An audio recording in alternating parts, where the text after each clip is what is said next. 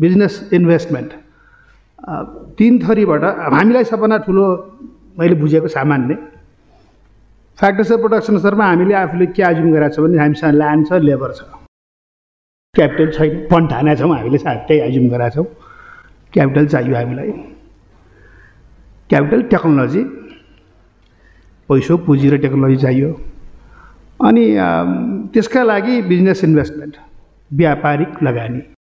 व्यापारिक लगानी यहाँ कोही आउँछ भने किन आउँछ? व्यापारिक लगानी गर्ने मान्छे कोही पनि आउँछ भने सबभन्दा पहिला उसले नाफै खोज्न आउँछ। कुनै शङ्कै छैन। व्यापारिक लगानी नाफा नहुने भए नाफा नहुने भइकन ऊ आउनेवाला छैन। उसको उसले जति एक्सपेक्ट गरेको छ त्यति रिटर्न खोजेरै आउँछ। खोजेर आउँछ त्यति आउने भए आउँछ नभए आउँदैन। अभियसली सेफ्टी अफ इन्भेस्टमेन्ट पनि खोज्छ नै। उसले गरेको इन्भेस्टमेन्टको सेफ्टी कतिको छ? प्रिन्सिपल अमाउन्टको पछि डिभिडेन्डको रूपमा फर्काएर लैजाने पैसाको कति छ त्यो खोज्छ नै। समग्रमा यसो भन्नुपर्दाखेरि एउटा कसैले व्यापारिक व्यापारीले बिजनेस रिटर्न लिने गरी यहाँ इन्भेस्ट गर्न आउँछ भने स्टेटबाट केही कुरा खोजेको हुँदो रहेछ।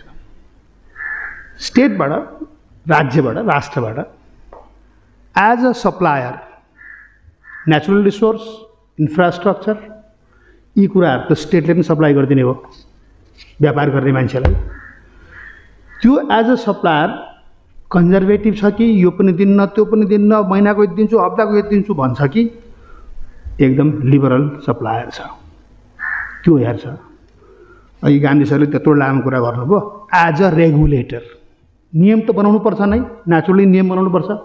एज अ रेगुलेटर कस्तो हुनु पर्यो? फेसिलिटेटर मात्रै छ कि? पुरा फेसिलिटेट गर्नको लागि रेगुलेसन गर्छ कि? म सबै कुरा कस्छु नियन्त्रण गर्छु केही पनि गर्दिनँ भन्छ। So naturally the investor wants the state to be a facilitator number two as a supplier they want it to be very liberal होइन?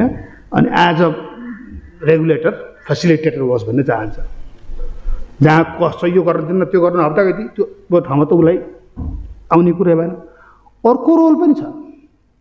प्रब्लम मैले अस्ति कतातिर पढ्दै थिएँ। सरलाई त राम्रोसँग थाहा नै होला। म म अब आफै अचम्म परेँ। आउट अफ टोटल वर्ल्डको output goods and services put टुगेदरमा almost forty percent are consume by governments huge amount चालिस पर्सेन्ट गभर्मेन्टले कन्ज्युम गरेपछि त ग त्यसमध्ये हाम्रो पनि गभर्मेन्ट हो। So as a consumer government कस्तो छ भयानक कन्जर्भेटिभ छ कि भयानक ल यो पनि यहाँनिर ल सबैको सामान किन्छु भन्ने खालको छ त्यो पनि खोज्दो रहेछ कन्ज्युमर पनि लिबरलै होस् एज अ कन्ज्युमर पनि एज अ कम्पिटिटर अहिलेको दुनियाँमा बिजनेस वर्डले के खोज्दो रहेछ भने government has no business to do business government बिजनेसमा इन्भल्भ हुँदैन। अर्थात् गभर्मेन्टले कम्पिटिटरको रोल खेल्दैन। उसको एजम्सन त्यो हुँदो रहेछ। किनभने गभर्मेन्ट आफै कम्पिटिसनमा ओर्लिसकेपछि त्यहाँ व्यापार गर्न उसलाई गाह्रो हुने भयो। So as a supplier as a regulator as a consumer and as a competitor स्टेटको रोल कस्तो हुन्छ? यो चारवटा कुराहरू मजासँग हेरेर अनि उसले भन्दो रहेछ well ease of doing business यस्तो छ। इन्भेस्टमेन्ट इन्भाइरोमेन्ट यस्तो छ यो ठाउँमा जानुहुन्छ जानु हुँदैन नाफा त छँदैछ। त्यति गरिसकेपछि उसले आफ्नो आइआरआर क्यालकुलेट गर्छ के के क्यालकुलेट गर्छ मलाई तेह्र पर्सेन्ट चाहिन्छ मेरो पैसालाई तेह्र पर्सेन्ट फर्किनेवाला छ कि छैन। त्यो त उसले खोज्छ खोज्छ अब यो फेरि थ्योरिटिकली मात्रै खोज्दैन। किताबमा लेखिएको छ कि छैन त्यो मात्रै खोज्दैन। व्यावहारिक रूपमा के खोज्छ? म सम्झिन्छु के बेला बेलामा आजभन्दा दुई वर्ष अगाडि दुई तिन वर्ष अगाडि पतञ्जलीले त्यो मेटेरियलाइज भएन क्यारे के के भएर पतञ्जली ठुलो लगानी गर्ने यहाँ ठुलो गर्ने भन्ने कुरा आएको थियो। आएको बेलामा सामाजिक सञ्जालमा एउटा ठुलो वर्ग सुरु भयो। जोगीलाई पैसा कमाउन किन दिने? ए जोगी आओस् उत्तरको मामा आओस्। पैसा कमाउनै आउने हो कि व्यापारिक लगानी गर्न आउने मान्छे त्यो दक्षिणको जोगी आओस् उत्तरको मामा आओस् जो आओस् पैसा कमाउन आउने हो। आउन दिने हो इन्भेस्टमेन्ट हो चाहिन्छ भने हामीलाई क्यापिटलको जरुरत छैन आउन दिने हो भने यो वातावरण चाहियो यो वातावरण दिन सक्नु पऱ्यो त्यो विश्वास दिलाउन सक्नु पऱ्यो त्यो विश्वास दिलाउन हामीले सकेका छैनौँ। मलाई शङ्का लाग्छ। त्यो विश्वास दिलाउन हामीले पटक्कै सकेका छैनौँ। किन हुने? पहिला कुरो त अपर्च्युनिटी छ यहाँ भन्ने कुरा पनि चाहियो। दोस्रो कुरो बिजनेस इन्भाइरोमेन्ट छ। साँच्चीकै छ भन्ने पनि दिनु पऱ्यो अब यो यो यो छैन। अब अनि फेरि अब कस्तो ठाउँमा अलमल ल्याएछौँ अनि उसो भए त्यसो भए नाफा उसले लैजाने सबै गर्ने हामीलाई के त? नेचुरली कुरा त एउटा छ एकदम सामान्य प्रश्न। हामीले हाम्रो र मेटेरियल म्याक्सिमम् युज होस्। हाम्रो अरू इनपुट म्याक्सिमम् हाम्रो युज होस्। म्याक्सिमम् इम्प्लोइमेन्ट जेनेरेट होस् भन्ठान्ने हो। आजकल त सर के रहेछ? रमाइलो रहेछ। अहिले गएर पल्टाउने हो भने यो डेटा पल्टाउने हो भने यो वर्षको विदेशी लगानी सङ्ख्या नम्बर दुई सय तेह्र दुई सय पन्ध्र देखिन्छ अहिले अहिले त देखिँदैन अस्ति। दुई सय पन्ध्रबाट कसरी भयो? केही पनि देख्दिनँ। भनेको त ऊ त्यो ठमेलमा खुलेको प्रत्येक रेस्टुरेन्ट पनि ठमेल ज्याठामा खुलेको रेस्टुरेन्ट पनि विदेशी लगानीमा गरिँदो रहेछ। त्यसको प्रारूप कस्तो छ? असाध्य रमाइलो छ म प्र्याक्टिकल तरल कुरा भन्दैछु। कस्तो रमाइलो छ? सामान चिनबाट आउँछ। त्यो चाउचाउदेखि लिएर पिठोसम्म पनि चिनबाट आउँछ। सायद त्यो ब्याङ्किङ सिस्टममा नछिर्कन आउँछ अझ। त्यो थाहा छैन मलाई किनभने विचार अनि त्यो आउँछ। कामदार सबै उतैबाट आउँछ।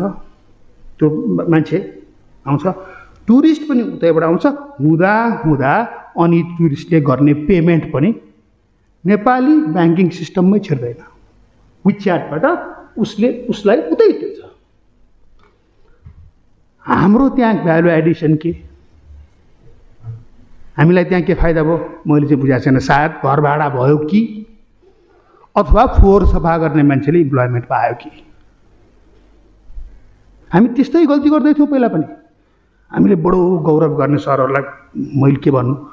गार्मेन्ट गार्मेन्ट भनेर उफ्रिन्थ्यौँ हामी। गार्मेन्ट गजब गार्मेन्ट होइन गार्मेन्ट त हाम्रो one of the main sources of foreign income गार्मेन्टमा यसो हेऱ्यो कपडा Indian टाँक Indian zipper Indian labour Indian machine Indian हुँदा हुँदा कति ठाउँमा त इलेक्ट्रिसिटी पनि इन्डियन त्यो गार्मेन्टमा हाम्रो भ्यालु एडिसन के? घर भाडा। त्यसमा फेरि इन्भेस्टमेन्ट भयो। अब इन्भेस्टमेन्ट पहिला त्यसो भएको हुनाले इन्भेस्टमेन्ट पहिला त इन्भेस्टमेन्टको अपर्च्युनिटी यो यो फिल्डमा छ हामीले क्लियरली देखाउन सक्नु पऱ्यो उसलाई प्रफिट हुने गरी। त्यसपछि उधार छाती हु छाती हुनै पऱ्यो देखाउन सक्नु पऱ्यो यो यो स्टेटले यसरी तिमीहरूलाई फेसिलिटेट गर्छ भनेर भन्न सक्नु पऱ्यो त्यति नगर्ने हो भनेदेखि त इन्भेस्टमेन्ट कसरी आउँछ? फरेन विदेश एफडिआई बिजनेस इन्भेस्टमेन्ट अब अर्को फर्म छ अर्को तरिका। लोन लोन पनि इन्भेस्टमेन्टमै हो। अब यहाँ अघि कुरा उठ्यो। लोन मैले गभर्मेन्टमा लिने गभर्मेन्टले लिने लोनकै कुरा गरौँ। गभर्मेन्टले लिने लोनकै कुरा गरौँ भने लोन दिनेले के खोज्छ त? बिजनेस इन्भेस्टमेन्ट गर्नेले प्रफिट खोज्छ भने लोन दिनेले के खोज्छ?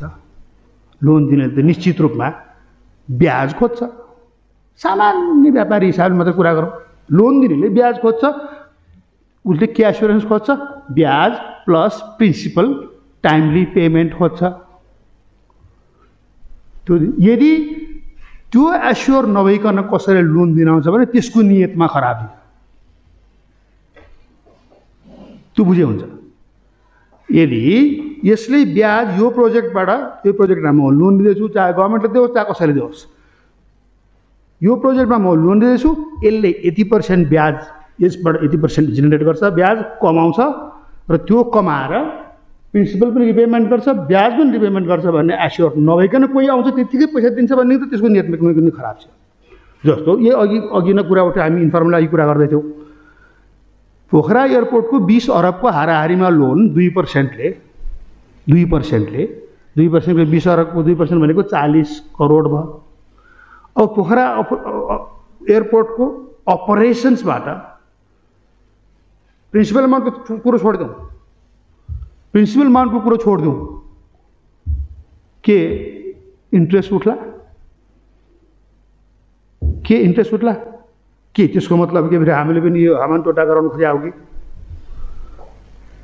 चिनको विरोध गरिरहेको छैन तर हामीले आफूले पनि हामीले आफूले पनि सोच्नुपर्ने कि नपर्ने यो यो लोन यति जाने लोन यति रुपियाँको लियो भने बराबरको त्यो लोन त्यो त्यतिकै बिसै अरबको हाराहारीमा लोन रहेछ उता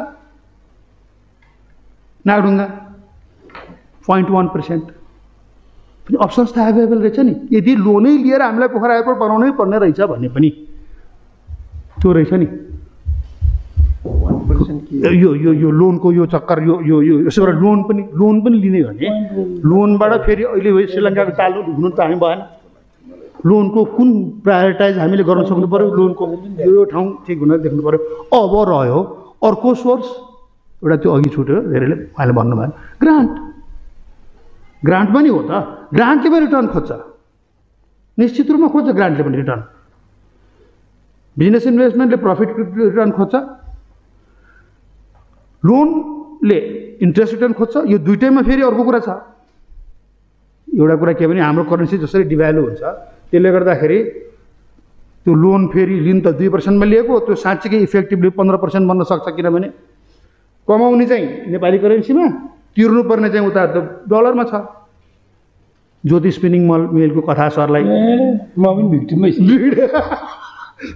ज्योति स्पिनिङ मिल के जात्रा भयो? बिचरा बिजनेस इन्भेस्टमेन्ट हो बिजनेस लोन हो त्यो त कुनै गभर्मेन्ट टु गभर्मेन्ट पनि होइन होइन? एडिबीले त दिएको तर ए खर। अब अब ग्रान्ट ग्रान्टमा पनि रिटर्न छ। खोज्छ रिटर्न। निश्चित रूपमा खोज्छ एमसिसीमा पनि त्यो कुनै खोज्दै नखोजिकन एमसिसी आएको हुँदै होइन। छ होला। खाली कुरा के छ भने होला। हामीले आशा के गऱ्यौँ? हामी जस्तो मान्छे चिच्यायौँ होइन है? उसले सद्भाव खोजेको छ गुडविल खोजेको छ नेपाली बजारमा त्योभन्दा बढी खोजेको छैन। उसले कुनै सामरिक कुरा खोजेको छैन भनेर हामीले हामी जस्ता मान्छे चाहिँ विश्वास गरेर हामी चिच्यायौँ गरायौँ र मलाई पनि त्यही लाग्छ। अब ग्रान्टमा पनि कुनै न कुनै रिटर्न त सद्भाव खोजेको हुन्छ। उसको इमेज राम्रो भएको। अब त्यहाँनिर चाहिँ त्यो ग्रान्टमा पनि नियत लुकेको छ खराबी छ भनेदेखि त त्यो हामीले निर्गोल गर्नुपर्छ। भन्न सक्नुपर्छ। त्यसो भएर म बारम्बार अब मोडालिटी हामीले टुङ्ग्याउने हो के गर्ने के नगर्ने कुन कुन चिज हाम्रो प्रायोरिटीमा कसरी पर्छ त्यो हामीले टुङ्ग्याउने हो। पोलिटिकल डिसिजन हो पोलिसी लेभलको डिसिजन हो शङ्कै छैन। तर अब चाहिँ अब सुन्दैछु म हाम्रो चिनिया विदेश मन्त्री आउँदै हुनुहुन्छ अरे। बिआरआईको कुन कुन प्रोजेक्ट साइन गर्दैछ थाहा छैन मलाई। बिआरआई त क्ला डिक्लासिफाई भएको छैन। डिक्लासिफाई भएको छैन। के छ? अर्को त लोन एग्रिमेन्ट त भएकै छैन। त्यो मेन डकुमेन्ट पनि के छ त्यसभित्र? नाइजेरियामा अस्ति नाइजेरियामा ओइ कहाँ भएको एउटा हेर्दाखेरि त गजब लाग्दो रहेछ। लेखेको रहेछ त्यो लोनमा त्यो लोनमा तिर्न नसकेको खण्डमा त्यो सम्बन्धित प्रोजेक्ट हडपिन पाइन्छ। त्यो हडपियो भने सोभरेन स्टेटको यस्तो चिज हडपिन पाइँदैन भनेर बोल्न पाइन्न भनेर लेखाएको छ। अब म त्यसो गर्छ वा गरिहाल्यो भन्ने होइन। तर कतै हामी त्यो ट्र्यापमा फस्ने हो कि? त्यसो गरेर बिआरआईको बारेमा पनि जति एमसिसीको बारेमा कुरा भयो बिआरआईको बारेमा पनि डिक्लासिफाई गर्नुपर्छ तत्काल र त्यसका बारेमा एक एक पोइन्ट सबै जन मान्छेले थाहा हुनुपर्छ। हामीले थाम्न नसक्ने। अब रह्यो कुरो त्यो रेल चाहिने कि नचाहिने? त्यो त बाँकी नै छ। फाइनेन्सियली रेल हामीलाई फिजिबल छ कि छैन? केरङबाट काठमाडौँ काठमाडौँबाट पोखरा कहाँ कहाँ हो? त्यो चाहिने कि चाहिने त्यो छँदैछ तर त्यति चाहिन्छ भने पनि फाइनेन्सियली फिजिबल छैन कमसेकम त्यो ऋण हो भने त्यो ऋण तिर्न सक्ने हामीसँग क्यापेसिटी कतैबाट त्यो त्यो रेलवेबाट फाइनेन्सियली जेनेरेट हुन्छ कि हुँदैन? यी कुराहरू त क्लियर हुनु पऱ्यो सो त्यसो भएर प्र्याक्टिकली सरकारसँग वा स्टेटसँग क्लियरली आइडिया हुनु पऱ्यो म के गर्दैछु किन गर्दैछु भनेर। होइन अब यो खालि जिप पनि पाओस् ओर्ने भने त हामी नराम्रो भड्काना फस्नु भए केही पनि छैन। म योभन्दा बढी भन्न चाहिनँ धन्यवाद।